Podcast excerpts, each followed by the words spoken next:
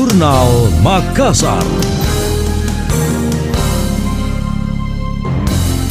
Sulawesi Selatan khususnya kota Makassar kembali menghadapi gelombang ketiga pandemi COVID-19. Ini ditandai peningkatan kasus terkonfirmasi positif yang mencapai ribuan perharinya. Kendati demikian, Dinas Pendidikan Sulsel enggan kembali menerapkan sekolah daring. PLT Kepala Dinas Pendidikan Sulsel Imran Josi mengatakan pihaknya memberikan keleluasaan kepada kepala sekolah untuk memilih metode pembelajaran sesuai kondisi yang ada. Namun sebelumnya pihak sekolah harus berkoordinasi dengan Satgas COVID-19 Sulsel. Jika tidak ada kasus COVID yang muncul, maka pembelajaran tatap muka bisa tetap dilaksanakan. Namun, jika terdapat kasus, maka pihak sekolah wajib segera mengambil langkah antisipasi Makassar sendiri itu kan dia karena kencang-kencangnya ini dikembalikan ke daring. Kita di Pemprov prinsipnya yang memberikan keleluasaan kepada setiap sekolah ya, untuk menyesuaikan dengan kondisi masing-masing. Ya. Kalau misalnya tidak ada masalah, ya jalan, jalan. Saya kira Pak Gubernur dia mengatakan begitu, tetap ya. saja PTM biasa. Ya. Tapi kalau ada masalah, ya ada langkah-langkah. Kalau misalnya bisa ditutup per, per, per sekolah kelasnya, ada hmm. langsung tak yang ditutup sekolah.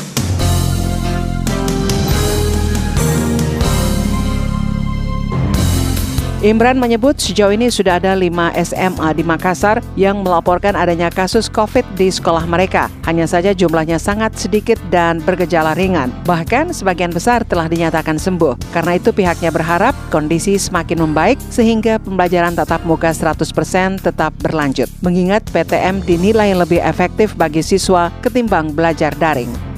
Anda masih mendengarkan Jurnal Makassar dari Radio Smart FM. Proses akhir seleksi jabatan pimpinan tinggi Pratama JPTP lingkup pemerintah Provinsi Sulsel, Pemprov Sulsel, kini tinggal menunggu keputusan PLT Gubernur Sulsel Andi Sudirman Sulaiman. Kepala Badan Kepegawaian Daerah BKD Sulsel Imran Jausi mengatakan rekomendasi KASN untuk tiga nama kandidat pimpinan OPD telah keluar. Apabila Andi Sudirman masih menjabat pelaksana tugas gubernur, maka berkas dari KASN akan dikirim lagi ke Kemendagri untuk disetujui. Akan tetapi apabila Andi Sudirman resmi menjadi gubernur definitif, ia bisa langsung menentukan pejabat tanpa izin ke Kemendagri.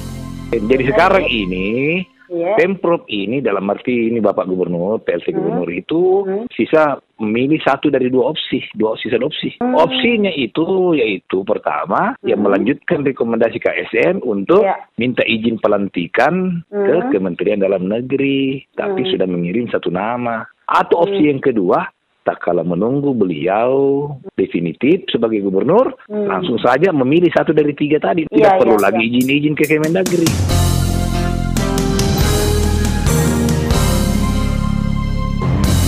Sebelumnya panitia seleksi JPTP telah mengumumkan tiga besar peserta yang lulus. Mereka akan memperebutkan 14 jabatan kepala OPD yang lowong, antara lain Inspektur Daerah, Kepala Dinas Perikanan dan Kelautan, Kepala Dinas Kesehatan, Kepala Dinas Pemberdayaan Masyarakat Desa, Kepala Dinas Peternakan dan Kesehatan Hewan. Selain itu Kepala Dinas Tenaga Kerja dan Direktur Rumah Sakit Umum Haji.